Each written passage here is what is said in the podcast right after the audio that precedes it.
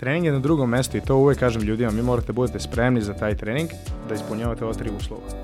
Energija, amiloksaline, to jest gradivni materijal, hormonski balans. One priče, ono u filmovima, kad ne možeš više, uradio šest, to nema veze sa maksimiziranjem mišićne hipertrofije. Prvi pokazatelj da si pretreniran ti je da imaš preko 3 dana upalu jednog mišića i ti onda na, nakon toga ako treniraš, taj mišić još nije, on, on u oporavku raste. On dok spavaš raste u oporavku ne raste on dok treniraš. Pazi, on, nauka i naučni istraživanje kažu da je apsolutno sve jedno. Da li ti trenirao ujutru, popodne ili uveče? Za početnike glavna smernica za trening je da uvežbaju dobro izvođenje ili tehniku. To je jako bitno. Tako da ako treniraš tri put nedeljno, možda bi trebalo da razmišljaš o ovom splitu push, pull, legs. Moje ime je Ivan Kosogor, sa mnom je danas moj brat Nemanja Milović. U podcastu koji sledi saznaćete šta je to hipertrofija, koje su vrste hipertrofije. Saznaćete i šta se dešava sa našim mišićima kada spuštamo, a šta kada podižemo tegove. Saznaćete o ishrani pre, tokom i nakon treninga. Pričali smo o obimu i intenzitetu treninga kao i kada treba da povećavate obim i intenzitet treninga. Takođe smo pričali o tome kada nikada ne smete da trenirate, saznaćete i zašto. Ovo je jedan masterclass podcast. Mislim da smo pokrili apsolutno sve što je najvažnije uh, pre nego što odete u teretanu, a želite da trenirate na, odnosno da radite na hipertrofiji. Uživajte u podcastu koji sledi, a pre nego što krenemo želim da se zahvalim i našim sponsorima, u pitanju su Bivic, vitamini i minerali, koji sa svojim sloganom Uzmi zdravlje u svoje ruke se u potpunosti poklapaju sa porukom koju želim da pošaljem na ovom podcastu i na svim podcastima koje sam do sada snimio, to je da mi imamo odgovornost i da je ono što, što je najvažnije za nas, a to je zdravlje, da je to u našim rukama. Uživajte u podcastu koji sledi. Prošli put smo rekli pre nego što smo krenuli da snimamo, odnosno i čak i kad smo krenuli, da sledeću epizodu koju budeš došao, došao postaješ izvanično deo podcast tako ekipe, je. tako no. da Dobrodošao. Posle pet. E, posle pet se postaje. Da, tako je, to je tvoja, ovo je tvoja peta zvanična.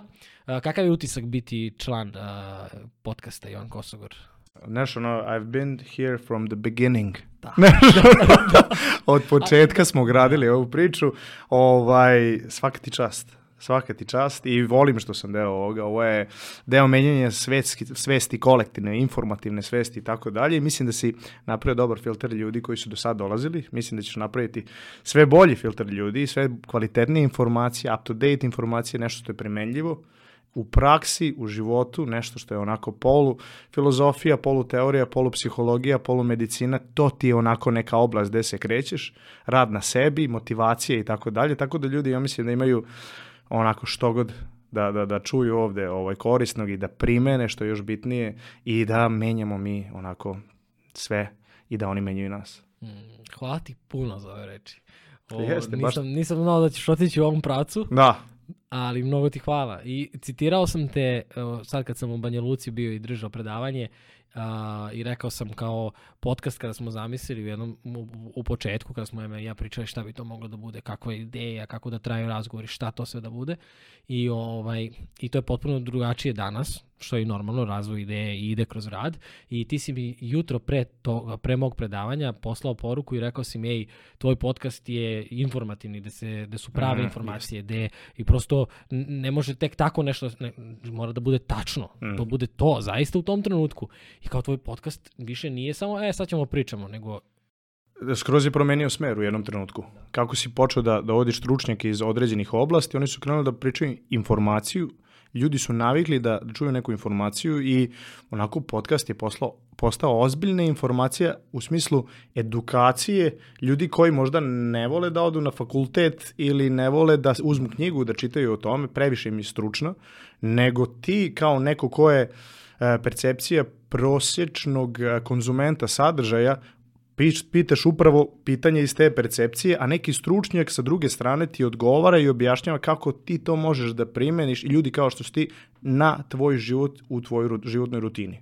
I to odmah. I to odmah, da, da, da. da. To je baš kao ključna stvar i ono što je meni kada, kada pričam sa stručnjacima i kada se završim, mislim mi kažu kao, kao wow, neke stvari sam verbalizovao sada Aha, aha, na neki način, znaš kao, ovaj primer mi je, oko, hoću zapad. Znaš, jer je i njima isto, jer su oni navikli da pričaju sa ljudima iz svojih krugova, Aha, koji aha, se razumeju kada pričaju te neke pojmove koje ja ne bih razumeo u tom trenutku, razumeš? Ali sam, znaš što sam ja isto primetio, što smo, što smo više radili, što smo više podcasta odradili, uh, u, ulazim u tu celu priču. Znaš, kad mi sad neko kaže nivo kortizola je povećan, ja Da, tačno da, znam tačno da je to znaš, da. stres, kako je povezano sa disanjem, kako je povezano sa ovim, zašto ne smijem da uzem slatkiše jer je to zamka. Tako I, je. znaš kao, uhvatim sad sebe da ljudi koji ovo ne znaju lakše zaspe ako su jeli čo- čokoladu ili slatkiše pred spavanje. Znaš, ja znam i znam šta mi radi u organizmu. A to je sjajna stvar zato što ti predstavljaš tog prosječnog gledaoca koji raste kao što si ti sad to rekao sa znanjem i može sve više informacija da upije zato što ima dobar temelj ili dobru pa- bazu koja je onako sveopšta. Znači, dosta je u svim oblastima je onako dobar temelj. Kad imaš dobar temelj, ja to govorim za fakultet. Fakultet je institucija koja ti daje jezik na kome čitaš knjige, recimo engleski, a sve su knjige na engleskom. Zašto ti daje temelj? Sad sa ovim informacijama ti si dobio temelj iz psihologije, iz filozofije, iz medicine, iz fitnessa, iz ishrane, iz suplementacije, kako god. I ti koje god ti informacije eksterne budu, ti možeš kroz taj tvoj temelj dobro da ih bolje razumeš, kad ih bolje razumeš da ih bolje primeniš, kad ih bolje primenjuješ da ih daš kasnije na edukaciju, to jest da ti preneseš. Tako da to je, to je i suština.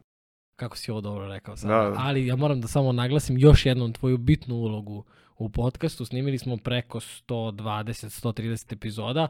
Od toga si ti verovatno trećinu ljudi mi Da. ili sugerisao, ili me direktno povezao, ili iz nekih razgovora, pa kao, e, Mogli, Tako da moglo za, bi ovog zato se zato Da. se ovaj zato si postao član zvanično ovaj našeg podcasta upravo iz tog tvog velikog doprinosa i koji opet u senci tvoje podrške koju ja dobijam u svakoj poruci, svakim viđanjem i svakom trenutku. Tako da mnogo ti hvala. Da, da, takođe. Danas takođe. pričamo o hipertrofiji. Jeste. I pre nego što uđemo u celu priču, odnosno zapravo najbolji način da uđemo u ovu priču da mi kažeš šta je hipertrofija tačno. Vidi, definicija hipertrofije, pričamo sad o mišićnoj hipertrofiji, je povećavanje volumena mišićnog vlakna ili povećavanje poprečnog preseka mišićnog vlakna. To onako je jedan arhetip, ja bih rekao, e, jer čovek, e, imamo pisane dokumente iz 7. veka, zamisli, gde su ljudi pisali o treniranju sa nekim nadopterećenjima, sa nekim tada pretečama, e, tegova, bučice i tako dalje, da baš u smeru, to jest u smislu da bi povećavali taj mišić. I to mi imamo kao ljudska vrsta, kao homo sapiensi i što možeš i tekako sada da, da, da, da primeniš, to jest da primetiš taj estetski deo koliko je važan i koliko svi hoće taj mišićni rast, hipertrofiju i tako dalje.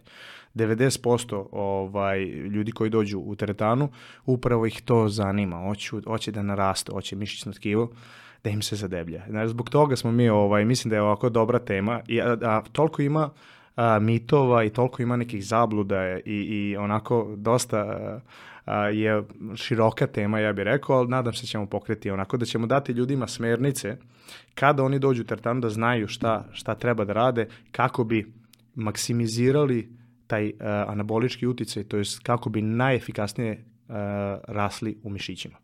Kako nastaje rast u mišićima? Ajmo onda odatle da krenemo. Pa dešava se povreda e, mišićnog vlakna usled stimulusa. Stimulus je tren, trening. Ono što moramo znamo pre tog treninga da postoji onako temelj koji mi moramo da zadovoljimo kako bi naše telo maksimiziralo tu hipertrofiju. Temelj se nalazi u nizu e, faktora i činjenica. Jedna je e, da li imamo mi dovoljno goriva za taj trening. To je ona ishrana pre treninga. Ne samo, kad mi pričamo o ishrani pre treninga, pričamo o obroku pre treninga. Ja govorimo jedan dan ili 48 sati šta mi unosimo kako bi naš glikogen u jetri od 30% i u mišićima 70% se a, skladišti ovaj glikogen, kako bi imali više energije za trening. Druga stvar kod tog temelja, ono što je bitno, šta mi u tom trenutku imamo dostupno u našem krvotoku. Znači, pre nego što počnemo da treniramo. Zbog toga nam je onaj pre-workout suplementacija koja je a, bitna za trening. Imamo pre-workout, znači pre treninga, imamo intra-workout u samom treningu i imamo post-workout, recimo suplementaciju koja je namenjena da upravo ovo što smo sad pričamo, da maksimiziramo hipertrofiju, to je mišićni rast. Znači da napravimo dobre preduslove kako naš trening bi što efikasnije bio. I to naš trening je tek druga stvar. Mi moramo dosta stvari pre toga da uradimo dobro kako bi mi kad krenemo taj trening i kad krenemo da povređujemo to mišićno vlakno, kako bi mi napravili tu enzimsku kaskadu ili anaboličku kaskadu kako bi signalizirali našim genetskim ekspresijom i kako bi povećali našu proteinsku sintezu. To je onako 1, 2, 3, 4, 5 ovaj, stvari koje, mi, koje prolazimo kao mehanizam hipertrofije, gde mi treba da obratimo pažnju na prvo ovaj temelj. Znači, temelj je gorivo, uh, u smislu glikogena, znači da imamo dovoljno uh, energije da, za mišićnu kontrakciju, da dovoljno dugo traje i da je dovoljno intenzitet mišićne kontrakcije. E, druga stvar je da imamo u dostupno u krvotoku te anaboličke agense kao što su esencijalne aminokiseline, kao su neesencijalne aminokiseline, kao što je kreatin, kao što je a, recimo citrulin, arginin i sve aminokiseline koje u toku treninga će biti dostupne tim tkivima koje, kojima oštećujemo. Ima jedna jako zanimljiva stvar koju Miloš Arčev priča, E, jako je logična stvar kad malo bolje razmislimo, jer mi e, ono što spremamo pre treninga je taj e, krvotok koji je bogat tim anaboličkim agensima, upravo sad što sam pomenuo. U toku treninga mi hoćemo, pošto je e, hiperemija je recimo sad dok sedimo ti, ja imamo 10% cirkulišeće krvotoka je u mišiću, održavanje tonusa i tenzije. Znači ništa se ne dešava. Međutim, kad radiš kontrakciju mišićnu, recimo trening za biceps i tako dalje, taj blood flow ili hiperemija se povećava na 60 do 70%.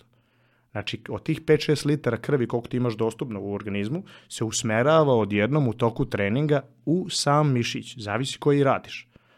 Tako da, u tom trenutku imamo jedan poseban a, prozor jako specifičan, jako specifičan gde mi možemo onda sa unosom ugljenih hidrata i u toku treninga i porastom tog insulina da guramo sve te stvari u krvotoku koje već imamo dostupne u mišić, direktno u mišić, u samom treningu.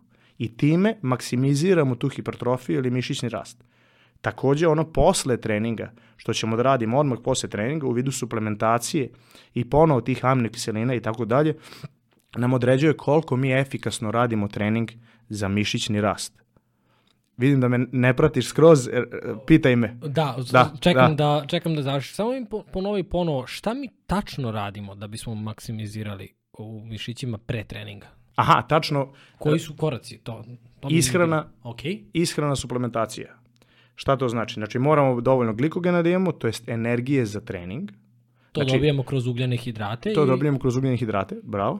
Rekao sam ti da sam Da, da, da, ne, ne, super, Ej. super, da. Znači to dobijamo kroz ugljene hidrate i druga stvar koju moramo da imamo je dostup aminokiseline u krvotoku, to je gradivni materijal. Kad mi oštetimo taj mišić, da, te, da te, taj gradivni materijal uđe u mišić i preokrene se iz tog katabolizma. Katabolizam je razgradnja mišića. Mi u toku treninga razgrađujemo mišić kroz mišićne kontrakcije u anabolizam, to jest izgradnju mišića. Što imaš više dostupnih aminokiselina u krvotoku i što pre one uđu u tu mišićnu ćeliju, to će pre bi, e, ćeš ići u anabolizam, to jest izgradnju mišićnih vlakana. Povećavanje poprečnog preseka mišićnog vlakana. Još pitanja? Ne, okej, okay, sad mi ovo, sad Dobro. mi ovo jasno. Znači, znači mi to, treba to da pocepamo mišić, Tako je. da uđe novo i da se to izgradi. Tako je. Da bi to uradio, moraš da imaš energiju, moraš da imaš a, materijal koji je gradivni, I moraš da imaš treću stvar, a to je taj onaj čuveni hormonski balans što smo pričali. Hormonski balans su ti kao, evo, da, da ti stavim jednu paralelu, ti bude lakše da razumeš. Gradiš kuću. ove cigle su ti proteini, znači aminokiseline, ti ih ugrađuješ. A ovi majstori što ugrađuju, to, ti je, to su ti hormoni. Znači, ako je loš majstor, ako nisi u hormonskom balansu, džabe ti što ti si ovo sve dobro uradio. Znači, e, gorivo ili ova energija su ti cisterne ili kamioni koji dovode cigle, je li tako? Cigle su ti aminokiseline, to je ta dva koraka. I treći korak je taj dobar majstor. Znači, da si podešen hormonski, u hormonskom balansu, kako bi mogo da izgradiš tu kuću. Znači, to je, da kažemo, 1, 2, 3 uh, preduslova pre trening Trening je tek dru, druga stvar, stimulus. Znači treba da imamo ove tri stvari pre nego što krenemo trening.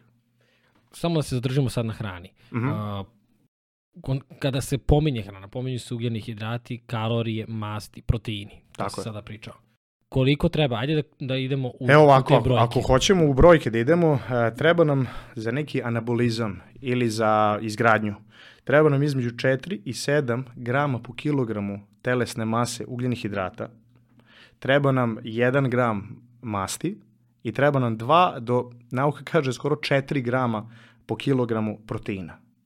Ok? Znači, na dnevnom unosu. Na dnevnom unosu. Na dnevnom unosu, znači što, šta to znači? Ako imam 100 kil, kilograma, treba mi 200 grama proteina, ali kvalitetnih proteina. Kvalitetni proteini znači da imaju esencijalne aminokiseline. Znači to ne biljni proteini ili tako dalje. Biljni proteini su super u kombinaciji sa rižom, krompirom i tako dalje, jer onda daju dobru, ovaj, e, dobar sastav aminokiseline koje naše telo može da prepozna. Znači, to su ti brojke, tačno, ako treba da ponovim, znači 4 do 7, ugljeni hidrati, 1 gram e, masti i 2 do 4 grama po kilogramu telesne kilaže dnevno proteina, da bi mi bili u anaboličkoj fazi, to jest u fazi izgradnje. Ok? Znači, kad potrošimo tu energiju, da organizam može da je, e, da je koristi, ovo što un- unesem, da izgrađuje pored onog metabolizma što trošimo, pored bazalnog metabolizma, da ga koristi za izgradnju mišićne mase. Ok? Da, i koga više zanima ishrani, samo da kažem da smo snimili fantastičan podcast Da, od da. 10 pravila ishrane, tako da mogu tu da pogledaju da više saznaju šta su to kvalitetni proteini i tako dalje i tako, Tako dalje. je. Uh, ono što se javlja kao mm, pitanje, nedoumica, Mhm. jeste da ako ja povećam unos proteina, kalorija, Dobro. masti i svega u organizam, a ne treniram pravilno, Mhm, mhm. postoji mogućnost da ću se samo ugojiti. Tako je. Zato se taj kalorijski suficit je mora da bude kontrolisan. Mora da bude između 10 i 15% suficita. Znači, suficit je Uh, ovako, postoje, evo od početka pričam, bazalni metabolizam je 75, 70% otprilike od potrošnje kalorije. Ok? Imamo trening koji je 20%, imamo termički efekt hrane koji je 10%. Znači, to je jedna strana vage. Druga strana vage je koliko si ti uneo kalorije, koliko si jeo taj dan. Znači, ako smo u deficitu, onda smo više potrošili kroz metabolizam, trening i kroz termički efekt hrane, nego što smo uneli, jel tako? Više smo potrošili. Ako si u suficitu, više si unao kalorija nego što si potrošio pomoću ova tri. Znači, za mišićni rast, koji je ono što kažu lean eh, body mass, da dobiješ samo mišiće između 10 i 15% od kalorija, u, da si u suficitu. Ok? To je, recimo, za neki unos, ne znam, od 3000 kalorija, 10% je bilo 300 kalorija da si preko. Ok? To je, neke, to je neka safety zone. Sve iznad toga povećava mišićni rast, ali dobijaš i uh, masti, što ne, što ne želimo. Mislim, neko ima cilj da, ono, no matter what, znači, koji god, samo hoću da dobijem što više kila. Onda može da ide preko tih 10-15% u suficit. Neko ko ga zanima samo mišićna masa, kvalitetna mišićna masa, to je baš taj opseg, između 10 i 15. Kako meriš 10 i 15% od suficita? To mi je... Uf, to je jako široka tema. Da. Izmeriš bazalni metabolizam, izmeriš dnevne uh, aktivnosti u smislu uh, treninga, aktivno, aktivna uh, fizička aktivnost i pasivna fizička aktivnost. To je sve ove stvari što radiš van treninga i tako da. Sad imaš dobrih ovih satova i tako da. I termički efekt hrane je 10%. To je čista matematika. Sabereš s jedne strane i ti vidiš koliko si otprilike kalorije potrošio ukupno. Sve što ide iz, iznad toga je suficit, ispod toga je deficit. Okay. Jel ti možeš posjeći to da vidiš sada po tebi?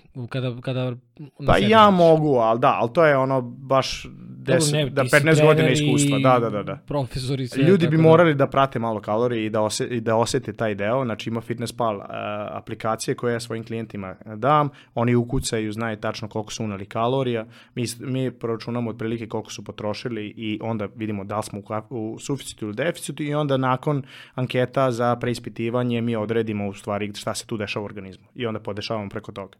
Ali to je druga tema. Da li bi tebi bilo ok da neku anketu, ne koju ti Mhm. koristiš sa klijentima, ali neku anketu koja bi bila recimo od pet pitanja, Mhm. da sastavimo i da postavimo kao link da ljudi mogu da, da preuzmu i da sami sebi postave ta pitanja i da vide na osnovu tih odgovora šta rade. Jel to ima nekog smisla? Ima, ima, ima. Imam anket, anketa finih, ovaj, tako da to ćemo. To bi bilo Da. baš dobro. Mislim da bi ljudima, jer meni je kad, kad bih slušao ovaj razgovor Mhm. i sve ovo što si mi sad rekao o merenju, meni je to malo kao, uh, kao da li ja to, znaš, Ne, mi ovde pričamo o, o naučnom pristupu, o maksimiziranju hipertrofije. Sad, to, se, to će se desiti svakako. Ovo je samo onako najbolji način. Znači, zato kažem, od 10 do 15% suficita. Od 2 do 4 grama kilogram proteina. Znači, je informacija koja je up to date science. E sad, može, može da se ide i na osjećaj i tako dalje, to, ali to nije toliko egzaktno. Ovo je samo nešto što je ono, ovaj, što nauka kaže što mi možemo da pratimo, da merimo, da probavamo na sebi i da vidimo da li funkcioniše ili ne. ovo je bio temelj, ovo je Mhm. bilo osnovno Ovo je bio pre temelj. treninga. Tako je. Ljudi kada krenu, ono, mislim, kada, kada razmišljaš da ideš u teretanu, ti prvo razmišljaš koje ću vežbe da radim, koliko ću puta nedeljno da idem, ok, imam tu malo ishranu Jest, pre, da. ali trening O- dolazi tek nakon Kao na drugom mestu, da. da. Trening je na drugom mestu i to uvek kažem ljudima, mi morate budete spremni za taj trening da ispunjavate ova tri uslova.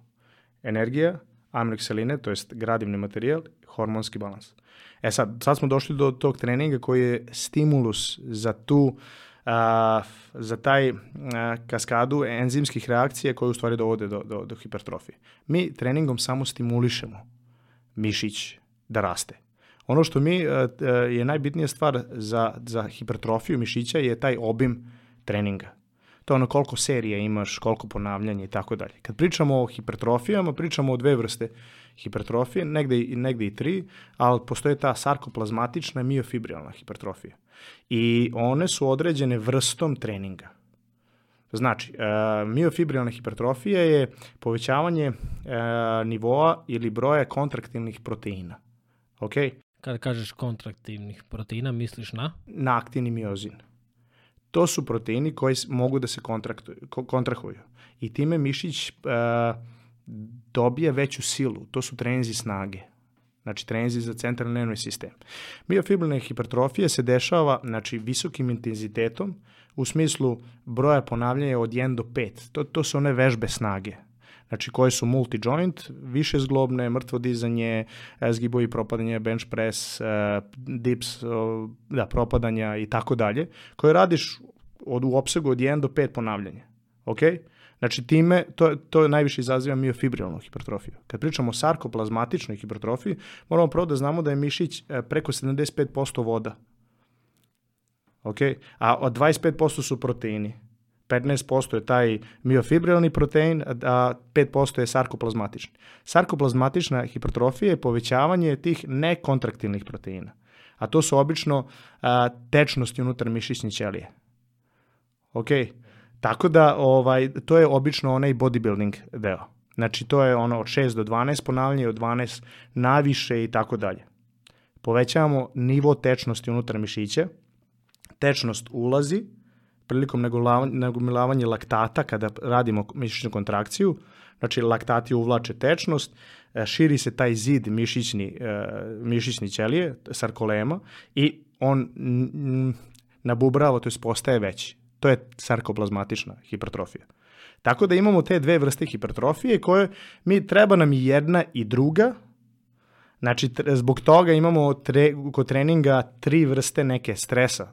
I ja predlažem uvek trening i uvek sam tako i trenirao. Na, uh, imamo onako part 1, part 2 i part 3. Znači, tri dela svakog treninga. Prvi deo je taj uh, stimulus za centralni nervni sistem ili ta mehanička napet, napetost. To je uh, od 1 do 5 ponavljanja, recimo bench press, evo kad pričamo o treningu za grudi, e, sad ćemo da uzmemo ovaj primer. Znači bench press i 1 do 5 ponavljanja, imamo između 3 i 4 radne serije. Naravno, tri serije da se, da se zagreješ za, za taj pokret i onda imamo između 3 i 4 radne serije od 1 do 5 ponavljanja.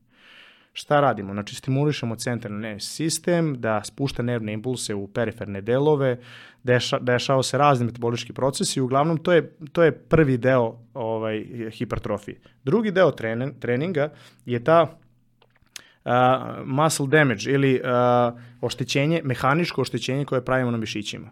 Ono se obično radi u opsegu od 6 do 12 ponavljanja i sa malo manjim pauzama nego ovaj prvi deo. Znači ovaj prvi deo je onako malo ponavljanja, ogromne pauze. Pauze su od 3 do 5 minuta.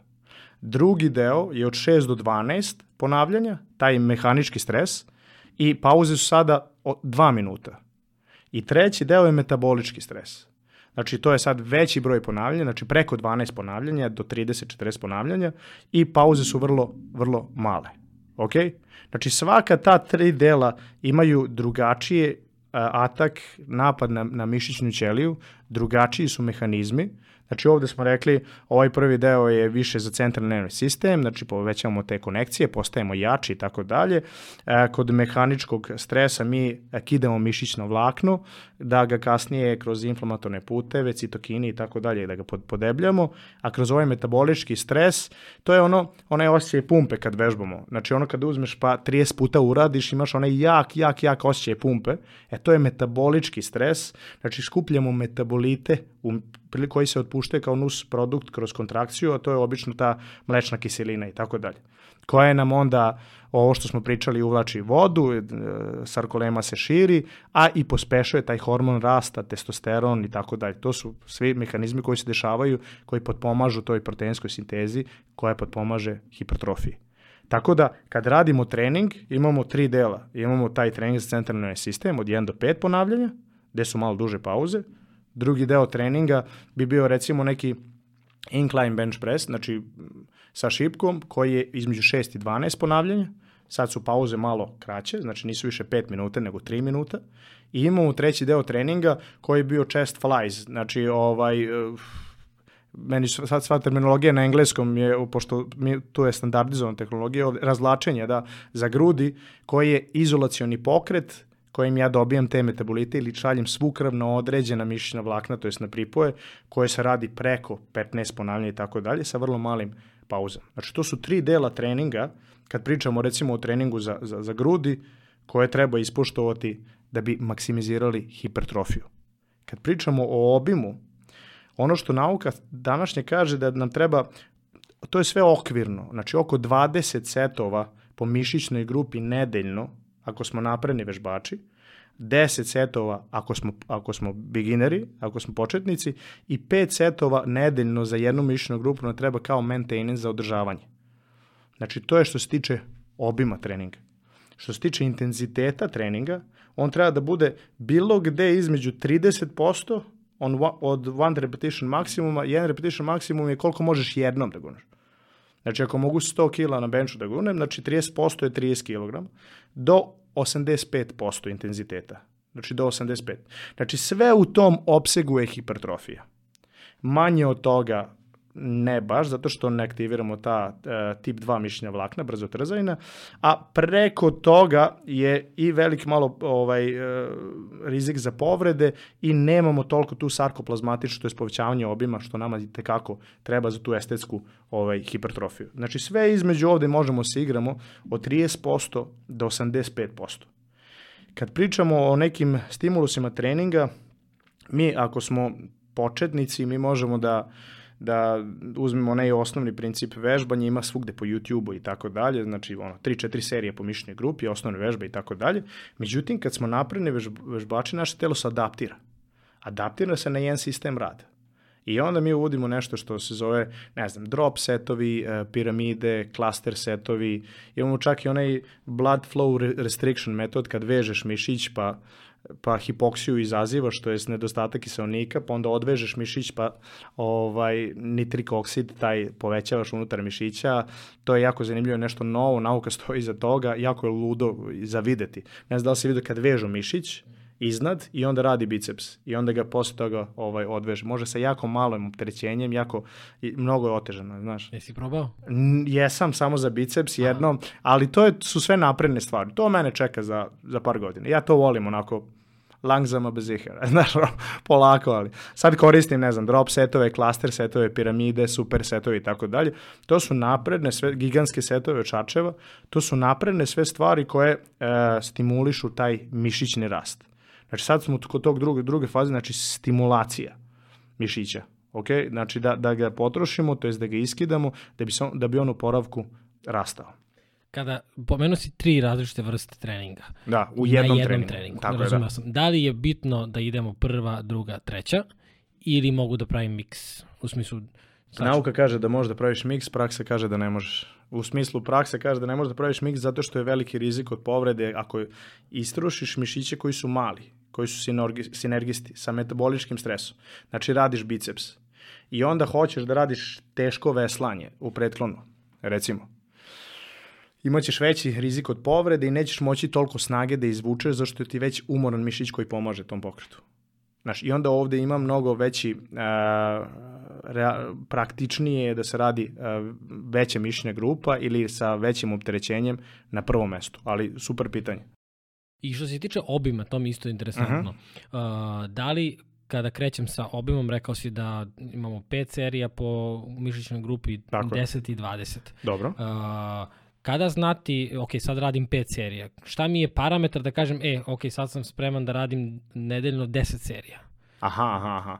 Tvoj napredak, to je tvoj, to je da slabo merljivo u smislu subjektivno ovaj, možeš da oceniš kad si spreman za napredniji trening, u smislu kad je adaptacija ili hipertrofija malo stala i kad, kad, kad tebi treba sve manje vremena da se oporaviš i kad ti taj trening više ne predstavlja nešto što je teško. Ono što a, imamo recimo jako zanimljive ocene a, kako koliko trening je bio uspešan. Ovaj, to sam vidio negde na internetu.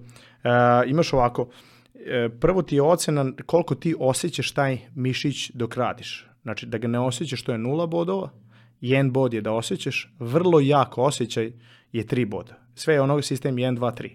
Onda drugi parametar je koliko imaš upalu mišića posle treninga. Nula bodova je nemaš upalu, jedan bod je imaš upalu sledeći dan par sati i onda prođe i ovaj tri boda je imam nekoliko dana upalu. I četvrt i treći ovaj parametar je a, kolika ti je mišićna pumpa dok radiš.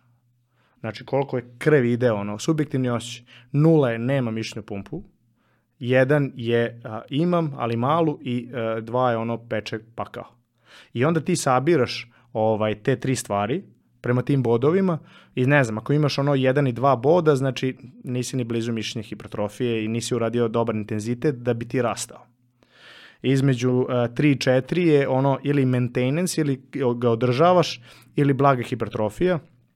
5 i 6 je maksimalna hipertrofija i 6 je ono rizik od pretreniranosti. Znači to je evo sad metod ovaj, smo dali svakom da može da, da, da ocenjuje Znači, prema tri parametra imamo tri ovaj, sistema uh, ocenjivanja 0, 1, 2 bodova i možeš onda da sabiraš i onda oceniš svaki trening svoj. Znači, na tvoje pitanje ja bi ti pitao, znači dao bi te ovaj sistem i onda da mi oceniš. Tako da, da bi vidio da li si ti spreman za veći obim i za jači trening ili za nešto drugo. Čovječe, o čemu, čemu god ti ja da pričamo, sve se svodi na samo posmatranje. Da, da, da uvek je samo posmatranje. Da. da, da. Zato što se nauka konstantno menja, jako je dinamična. Neki praktičari, kao što su bodybuilderi, idu mnogo ispred nauke Znači ono što su radili 80-ih se te, tek sad ovaj, sistematizuje, dokazuje kroz meta-analize i tako dalje. Tako da, znaš, s jedne strane možeš slušati nauku, a s druge strane ima dosta praktičara koji pričaju ispred svog vremena i onda treba obe stvari primeniti na sebe i onda se samo posmatrati i tražiti svoj put, kao i u svemu. To je, imali smo temelj, Tako imali je. smo signal, Ja, imali smo stimulus. Stimulus, ok, da, da znam da na S nešto bilo. Da, da, da, da. rekao. Šta je treći Pa sad imamo taj signal tela. E, vidiš, nisam, nisam ni znao da je nadam da, da, da, da, da. Okay, cool. Znači, kako mi završimo trening, uh, počinju uh, naš imunni sistem da gradi taj mišić, to je da prelazi iz katabolizma u anabolizam. To su neke biohemijske reakcije, aktiviranje nekih puteva, enzimskih uh, koji su recimo mTOR, uh, ima svoj put, još par puteva, gde se dešava taj signal našeg organizma da mi moramo da repariramo to mišićno vlakno koje je oštećeno u toku treninga. Da popravimo. Da popravimo, tako je, da popravimo, šaljemo neke satelitske ćelije i zadebljamo taj mišićno vlakno, pripajamo, zadebljavamo, taj mišić postaje jači i veći. Tako da uh, nije uvek upala mišića znak da ćemo da napredujemo, često jeste, ali nije ono što je obrnuto, što je mit kao nema upal mišića, neću da, da, da rastem. Neću da imam hipertrofiju. To apsolutno nije slučaj. Znači, bez upale mišića definitivno se dešava mišićni rast. Upala mišića je samo onaj malo intenzivniji oblik i to može da stimuliše mišićni rast, ali ne mora da znači. Tako da jedan mit ovaj, smo, kako kažem, mit busted, znaš? Blaster, da, razotkrivači mitova. Da, da, da, da. Da li upala, sad kad se već kod te teme, da li upala dobra uopšte za telo? Jer upravo upala nekada znači pretreniranost Inflamacija, da. i o, ono što sam ja recimo kao moje iskustvo što se tiče treninga, kada odem, kada radim i kada imam upalu, ja ne mogu 5 dana da se pomerim i onda izgubim narednih 5 dana treniranja zato što ne mogu da se istuširam. Ono, E, baš, ba, to, to si sad. Znači, ono što smo rekli, uh, najbitnija stvar je taj obim treninga. Znači, koliko si ti uradio ukupnog rada za taj mišić. Ako tebi upalni proces je toliko jak da ti smeta tom ukupnom radu, on nije dobar i neće dovoditi do maksimalne hipertrofije. Ako je upalni proces taman dovoljan da tebe do sledećeg treninga sa tom mišićnom grupom pusti skroz i da je taj mišić skroz spreman za ponovni rad, to je onda top. To je onaj, sweet spot. To mi se desilo pre, pre par meseci sam krenuo da treniram, pre, možda i više sada, u, pre, pre svega ovoga. I imao sam upalu, bukvalno mislim da je de- 10 dana, čak, čak mi je na bicepsu bilo kao popucalo. Da, I on, imao sam plavo, stvarno, kao da me neku modricu sam imao. I bio sam u fazonu, kao da li je moguće da sam sebe ono, doveo do toga, nisam razmišljao, imao sam utisak mogu, a šta si radio? o, sa tegovima, Dobro. biceps. Aha, vidi, znaš šta je bitno? Ovo je sad jako dobra tema, zato što postoje nešto zove reps in reserve. Znači, koliko imaš u rezervi do otkaza, ponavljanja.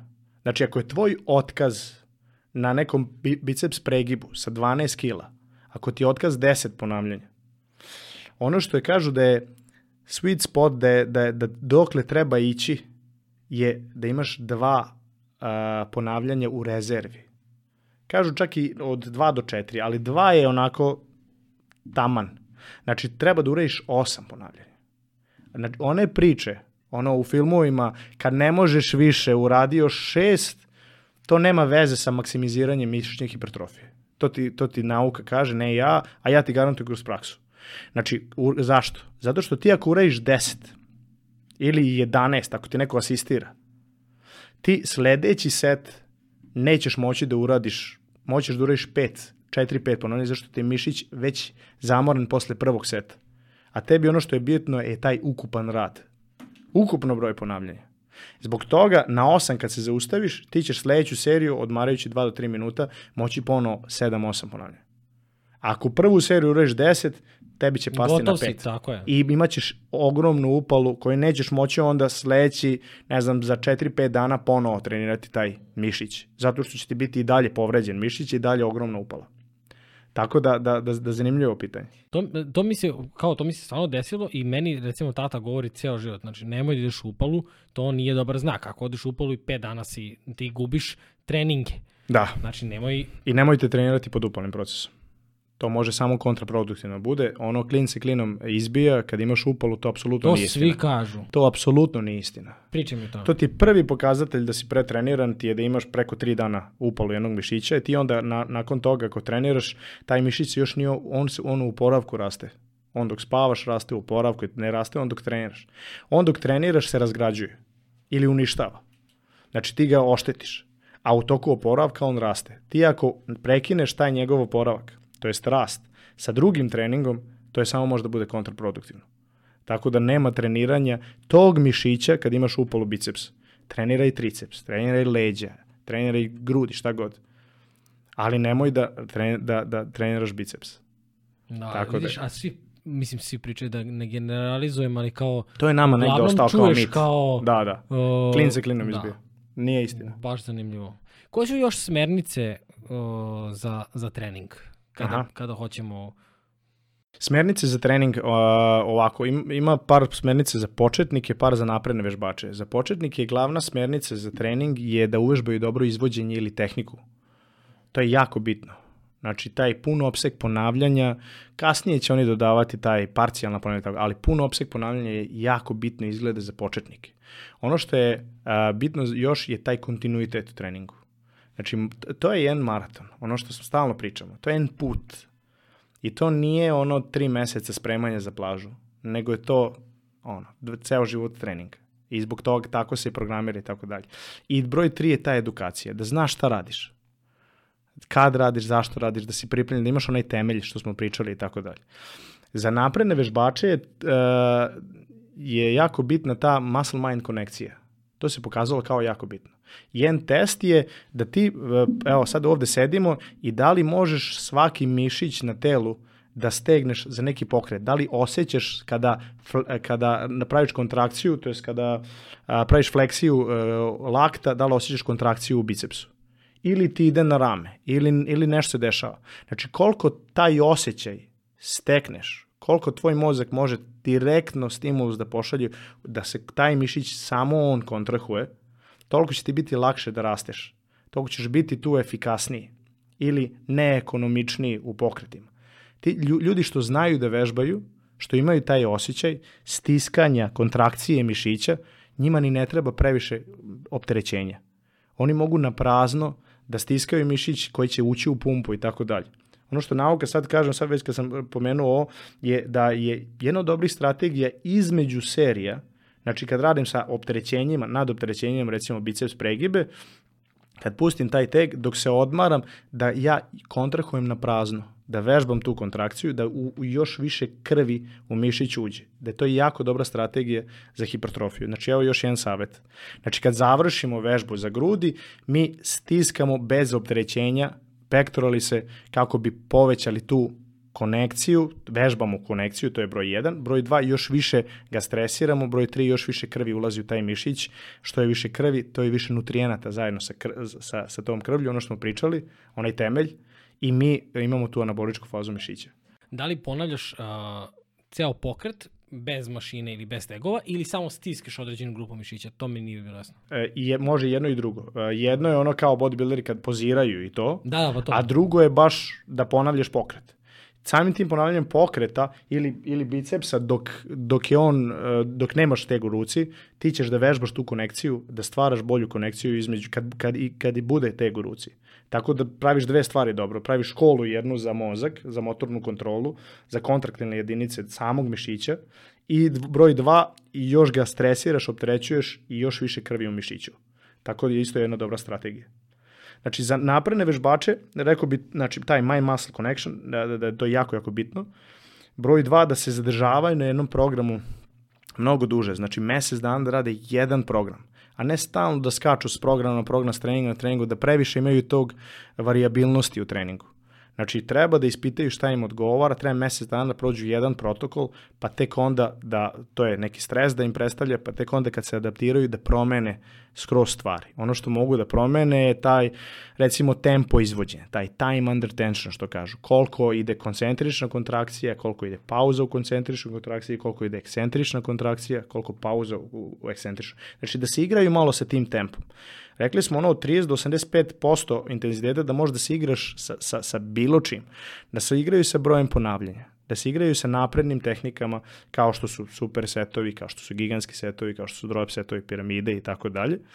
I da uzmu obzir ovaj, e, ove hormone, genetsku ekspresiju, znači da, da imaju dobar temelj pre svakog treninga u samom treningu, da koriste taj intra, intra-workout supplement, znači aminokiseline, neesencijalne, esencijalne i malo dekstroze ili maltodekstrina, da taj insulin guraju u samom treningu da hrani mišićnu ćeliju i da shvate taj deo ovaj, ozbiljno kao i san i ono sve što smo pričali, to je ono naj, uh, on anabolizam se dešava u toku sna. Ono, I hormon rasta i sve mi se oporavljamo najviše u toku sna.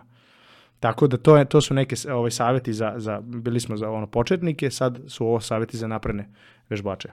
E, kada kažeš ekscentrične i... Uh, koncentrične. Koncentrične. Znači mm -hmm. koncentrične kada savijem, ekscentrične kada otpustim. Tako je, zavisi koji mišić, ali uvek je, kad se dva mišićne pripoja skraćuju, to je koncentrična kontrakcija, kada se odaljavaju, to je ekscentrična kontrakcija. To možeš da primeniš na, na sve mišiće. Na mišić nad kolenice ili kvad, znači kad se ispravlja uh, koleno, znači mišićni pripoji se između kolena i kuka skraćuju, znači koncentrična kontrakcija, kada vraćaš ekscentrična kontrakcija, produžavaju se pripoji. Ono što je jako zanimljivo je što e, nauka kaže da se veća šteta nad mišićima dešava upravo u ekscentričnoj kontrakciji. Tako da postoje određene vrste treninga koji su a, forsiraju ekscentričnu kontrakciju, to je samo da spuštamo tegove. Znači, to, to je jako zanimljivo. Neko ti pomogne da digneš teg, a ti ga samo spuštaš. Jer smo u centričnim kontrakcijama mnogo, mnogo, mnogo jači. Ali dešava se ne toliko e, mnogo kao što se priča, ali malo veće hipertrofije u odnosu na koncentričnu kontrakciju. Tako da treba biti pažljiv, ne treba spuštati tegove previše brzo, nego ih treba kontrolisati ako hoćemo da maksimiziramo mišićnu hipertrofiju. Tako da, znači, kad podigneš te, teg u bicepsu, probaj da ga spuštaš 5 sekundi. Na osjećaj, znači da, da imaš taj onoj osjećaj da, da, da gori. Jel to isto važi onda i kada radiš zgib, da se spuštaš lakše iz zgiba? Tako je, bra, uvek važi.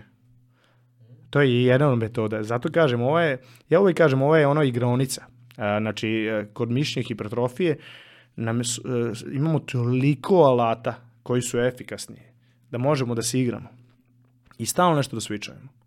Znači, da će to biti ugao pod koji, e, koji radimo neku mišićnu partiju, znači drugačije ovaj, angažovanje mišićnog pripoja ili mišićnih vlakana, da će to biti tempo izvođenja, da će to biti intenzitet, znači sad ćemo, nećemo više da radimo 12 ponavljanja, sad ćemo da radimo 3-4 ponavljanja. Da će to biti obim treninga, znači sad ćemo da radimo, ne znam, 25 setova za, za, za određen mišić. E, možemo se igramo u pauzama, znači imat ćemo manje ili veće pauze. Možemo dosta stvari da se igramo kako bi se stresirali i kako bi se adaptirali, kako bi porasli. Da, kako bi dobili najefikasnije rezultate koje Tako želimo. Je. Mm. Šta je naredni korak posle E, naravni korak to se dešava samo od sebe. Znači ide signal, pa ide e, taj e, genetska ekspresija, znači unutar tog nukleusa DNK se menja. To je sad malo kompleksnije ovako. Ide po, posle toga proteinska sinteza, e, znači stimuliše se rast tih proteina što smo sad pričali, što, ovaj, da li su miofibrilni ili sarkoplazmatični i mišić raste posle toga. Znači, me, menja se 141 gen je zadužen za mišićni rast i on, on, znači tu ide ta genska ekspresija koja sledi usled stimulusa koja je poboljšana ako ima dobar temelj, to jest aminoksilan, to jest gradivnog materijala. Tako da to je taj jedan krug koji se dešava mišićnih hipertrofija, gde mi idemo ponovo onda temelj, pa stimulus, pa signal, pa genska ekspresija, pa proteinska sinteza. I tako onda svaki trening imamo. Znači na nama je da uradimo dobar temelj, dobar stimulus i da mi dovoljno vremena oporavimo taj mišić kako bi stigla o, o, ova inflamacija, citokini i tako dalje da odrade svoje, to jest da podebljaju taj, uh, to mišićno vlakno u poprečnom preseku. I onda idemo ovaj, jedno za drugim i onda x broj godina, ja kad sam, ne znam, imao 18 godina, sam imao 77-8 kila, sad imam 100 kila. To je se dešavalo u krug kod mene sledećih 15 godina i, i dešavaće se i tako dalje. Tako da je to jedna zanimljiva priča i zbog toga je to put. Ja uvek kažem ovim klincima, znaš, znači nemojte da vijate 5 kg mišićne mase ono za mesec dana. Ja, ja imam kilogram do dve godišnje. Znaš, ali pokušavam da to bude čista mišićna masa, da ne dobijam masti i da moju snagu i ostale motoričke sposobnosti idu uz to.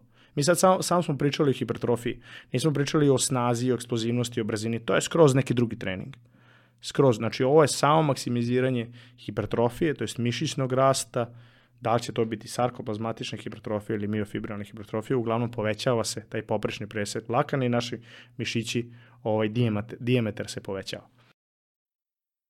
Kada radiš treninge za hipertrofiju, mhm. koliko, mm -hmm. pošto sad spomenuo i druge treninge mhm. eksplozivnosti, mm -hmm. snage, koliko treba da radiš dugo treninge hipertrofije? Da li je to dovoljno da bude, ne znam, jedan trening nedeljno koji je fokusiran na hipertrofiju ili radimo tri meseca naredna dok ne dođemo do nekog stadijuma pa onda idemo na nove treninge?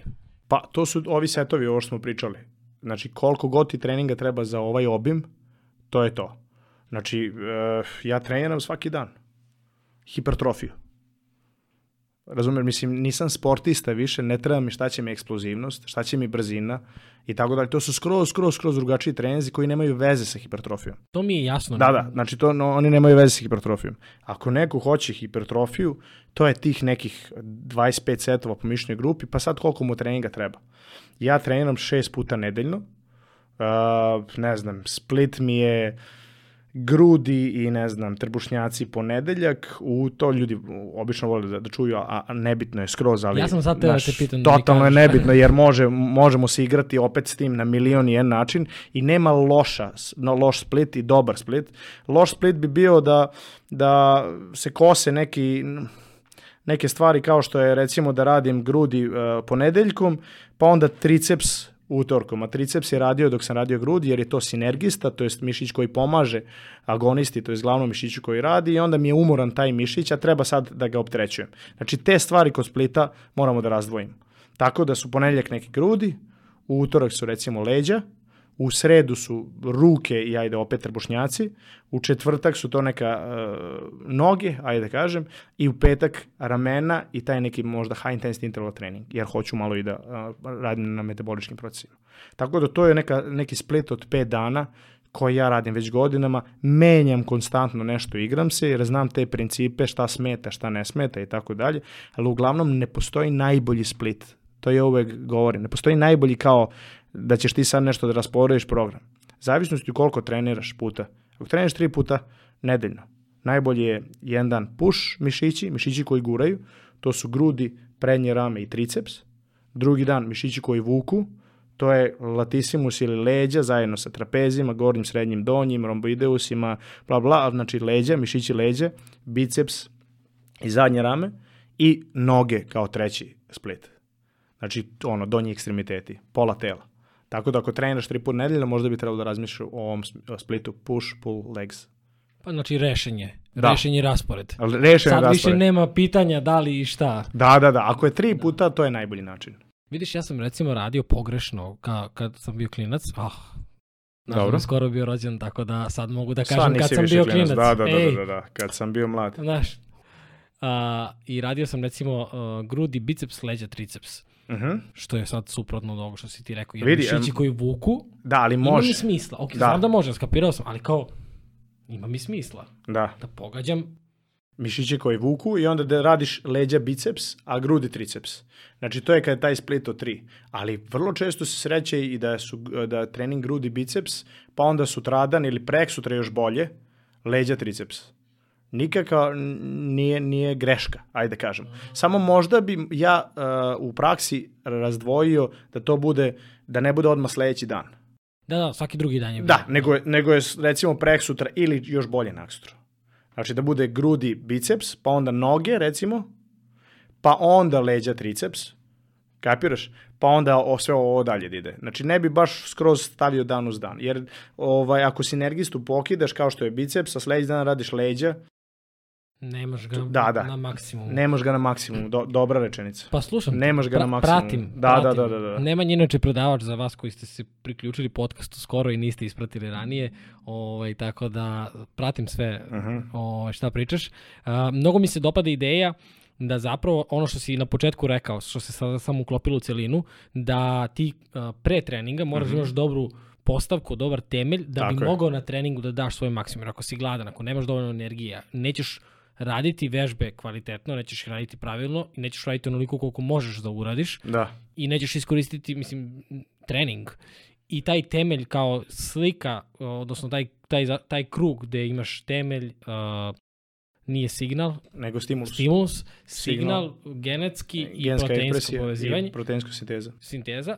I kada sve to spojiš, to je upravo ono što smo htjeli ovde da objasnimo zapravo Tako je. kako da iskoristiš maksimalno svoje mišiće. pet koraka koje telo pravi. Ti si zadužen za nekoliko. Ono što si ovde sad uh, zanimljivo rekao, pa mi pobegla misao, uh, da, vreme treninga. Pazi, ovo nauka i naučni istraživanje kažu da je apsolutno svejedno. Da li ti trenirao ujutru, popodne ili uveče? Kad pričamo o hipertrofiji, kad pričamo samo o mišićnom rastu, znači kad ćeš ti taj stimulus uraditi? Ujutru, popodne ili uveče, sve jedno. E sad, kao što mi znamo, pošto smo malo širi od toga, naš trening uveče remeti san, te- sad sam te da ti kažem, znaš, pa adrenalin, nije dobar da. pra, prakti, iz praktičnih razloga, iz razloga opšteg zdravlja i tako dalje, ali kad pričamo samo o mišićnoj hipertrofiji, apsolutno je sve jedno. Baš su ono, do, dosta iz Australije istraživanja, ima jedan poznat naučnik koji se uh, baš bavi time, timing treninga i utvrdili su kroz meta-analize da je sve jedno grupa koja je trenula ujutru, popodne imali su isti, isti do, dobitak mišićne, mišićnog rasta pod istim uslovima. Tako da se pokazalo, kad se radi o mišićnoj ovaj, rastu, da je sve jedno. Ali opet, kao moje, moje iskustvo je da ako treniram uveče, mnogo mi je teško da zaspim. Ne samo da li je teretana, ako odem da trčim, ojoj, A neko me prija, neko kaže ja istrčim, legnem, spavam kao bebica, znaš. Na, na šta je meni teško? Meni je teško ujutru treniram, trening snage. Zato što sam prazan, ja imam dosta brz metabolizam, imam dosta mišićne mase i ja u toku sna mnogo više energije potrošim nego, nego prosječan čovjek od 80 kila i, e, mnogo mi istroši glikogen. Osjećam se, osjećam se jako prazno, znači pogotovo u mišićima koji oni to kažu ono flat, znači nemam tu kontrakciju i tako dalje, to znači da nemam taj nivo glikogena koji mi je potreban da uradim jak trening. I onda ja nakon jednog, dva ili tri obroka, što bi bilo idealno, posle toga kad radim trening, meni to mnogo više odgovara. Drugi ljudi su, su to je individualno. Ne, ja znam dosta ljudi kojim odgovara prva stvar kad ustanu da treniraju sa tegovima. Osjećaju se punije, osjećaju se moćnije, bolje su koncentrisani, bolje, bolje imaju ceo pristup treningu. Za mene je to uvek bio ona neka ono zlatna tačka mi je nekih recimo pet popodne. Znači imao sam 3-4 obroka, napunio sam mišljenje glikogen i onda je vreme da ga potrošim. Da ga što efikasnije potrošim, to je da što bolje oštetim to mišljeno vlakno, baš tu gde sam hteo i da izazovem tu kroz proces oporavka rast. Tako da to je za mene. Za druge ljude, opet kažem, je, to, je, to je dosta individualno. Opet se vraćamo na ono slušanje sebe i dakle, da isprobaš, tako. vidiš, a, kreneš ujutru. Meni je, ja recimo, ako treniram ujutru, meni je lakše da pojedem nešto, pa za nekih 20 minuta, pola sata, da odem i strčim ili ako ću ti da, mm -hmm. na šipke ili gde god. Meni je ujutru savršeno za kardio i to mi je super. Znaš, za kardio trening mi ne, ne treba mi taj glikogen, ne treba mi ta vaskularnost, ta mišićna kontrakcija je toliko jaka, nego to da brzo hodam, da istrčim, da ovaj, izveslam ili bajs uradim, to mi ne treba obrok. Međutim, za mišićnu kontrakciju, za jak bench press, za ovo sad smo sve pričali, e, tu mi treba ta energija. Znaš, to, to je skroz neka druga priča. Tu trošim taj glikogen, a, koji je iz anaerobnih izvora, znači adenozin 3-fosfat i kalcijum su dve stvari najbitnije za mišićnu kontrakciju. I tu mi treba skroz drugačije ovaj, energije i drug, drugačije nego kad idem 10 km da, da, da istrčim i tako dalje. Spomenuo si bio sad kad si spomenuo kalcijum uh, i suplementaciju nakon treninga da isto dakle. utiče na, na hipertrofiju. Kaži mi šta još o suplementaciji, osim kalcijuma? Na, ne, ne, Mislim... ne, nije suplementacija kalcijum. Kalcijum se, ono, unutar ćelije treba se nalazi samo, to, to nema veze. To ćemo svakako da unesemo dovoljno kalcijuma, to nismo u, u deficitu. Treba nam samo suplementacija koja se bavi ugljenim hidratima koji su uh, što brži u glikemijskom indeksu, znači što brže da ulaze u krv, to je što više da povećavaju nivo šećera unutar krvi da bi naš pankreas odreagovao izlučivanjem tog anaboličkog hormona koji zove insulin, a taj insulin je kao tsunami talas koji ide kroz krvotok i sve te stvari što su se nalazile, te aminokseline, gradivni materijal, te cigle, da on raspoređuje u oštećena mišićna tkiva i da kreće taj oporavak ili taj anabolizam ili taj mišićni rast. Znači ono što nam treba posle treninga je e, recimo dekstroza, maltodekstrin, može čak i voće i unutar jetre i, i, što, i e, istrošen glikogen, tako da ok i fruktoza, ali više ciljamo na sukrozu. Sukroza je mnogo brži šećer iz, iz voćkica. Znači da, da to nije neka banana koja je obilata, 4,9% ima fruktoze, jedno voće koje ima najviši nivo fruktoze, nego je to neki ananas, da je to neki kiwi, da je to neka mandarina i tako dalje, koji su obilati sukrozom. Znači ono što nam treba posle treninga je visoki glikemijski indeks ugljenih hidrata, znači da brzo podiže nivo šećera u krvi, da je e, visoki insulinski indeks, znači da imamo taj odgovor od pankreasa da izluči insulin i e, nizak nivo fruktoze. Tako da, znači, posle treninga taj whey protein, zato što ima taj dobar sklop uh, aminokiselina, ima 3 grama tih magičnih leucina, koji je direktno uh, povezan sa tom uh, proteinskom sintezom, koji utiče na anabolizam, na mišićni rast, znači 30 grama recimo whey proteina odmah posle treninga. Taj anabolički prozor, to je dosta onako za, za debatu. Ja volim da, da, da radim to odmah nakon treninga, ali ono što nauka kaže da je bitnije šta radimo ceo dan posle toga. Znači sve dok mi unesemo tih 2 grama proteina po, po kilogramu telesne kilaže, mi smo si bezbedni.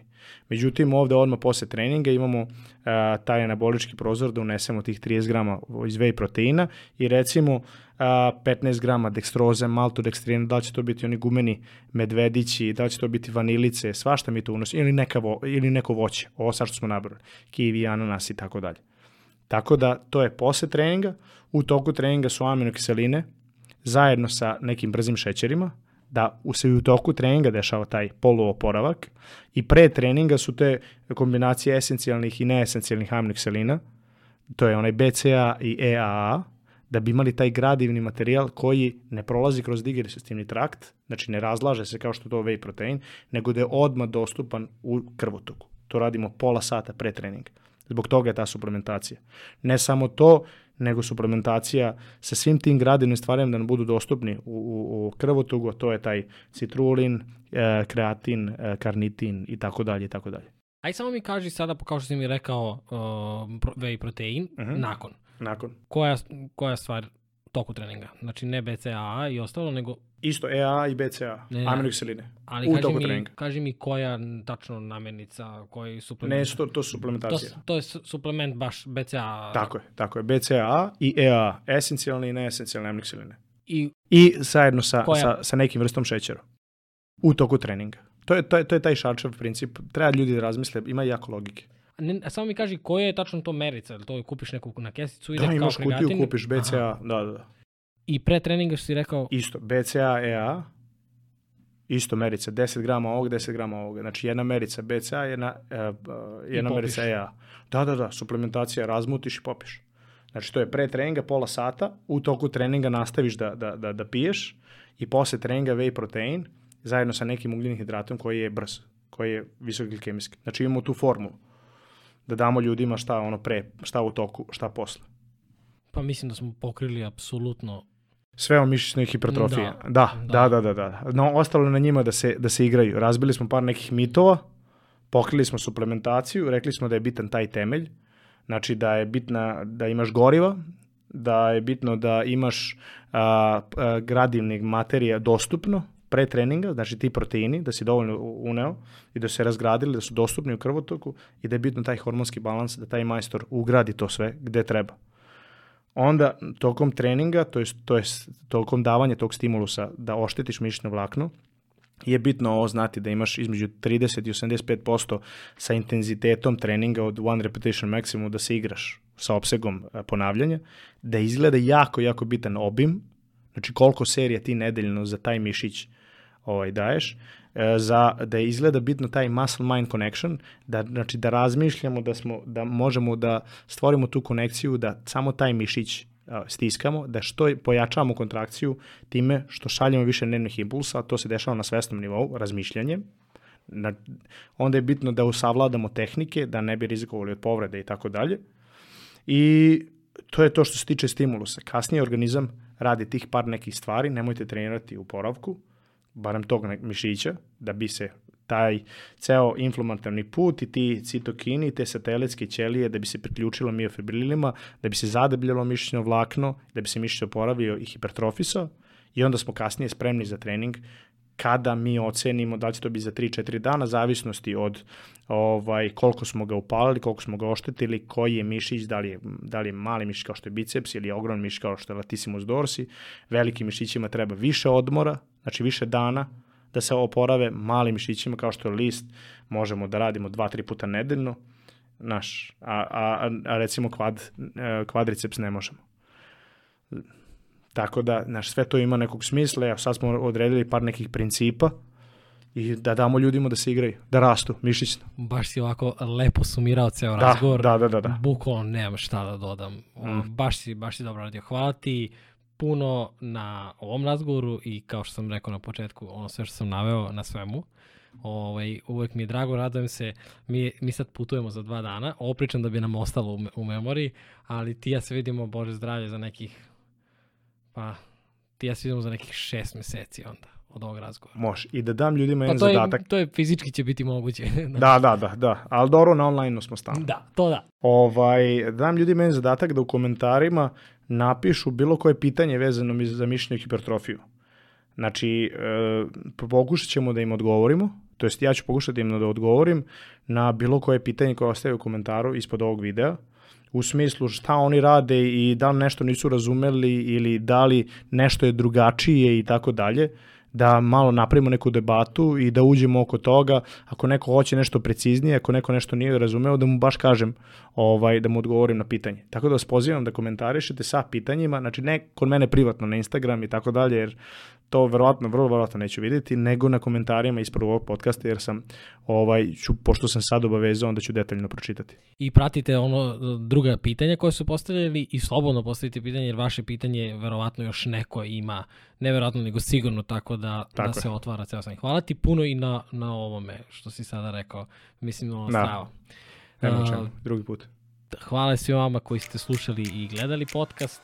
Vidimo se sledeće nedelje. Ovo je bio je najbolji razgovor.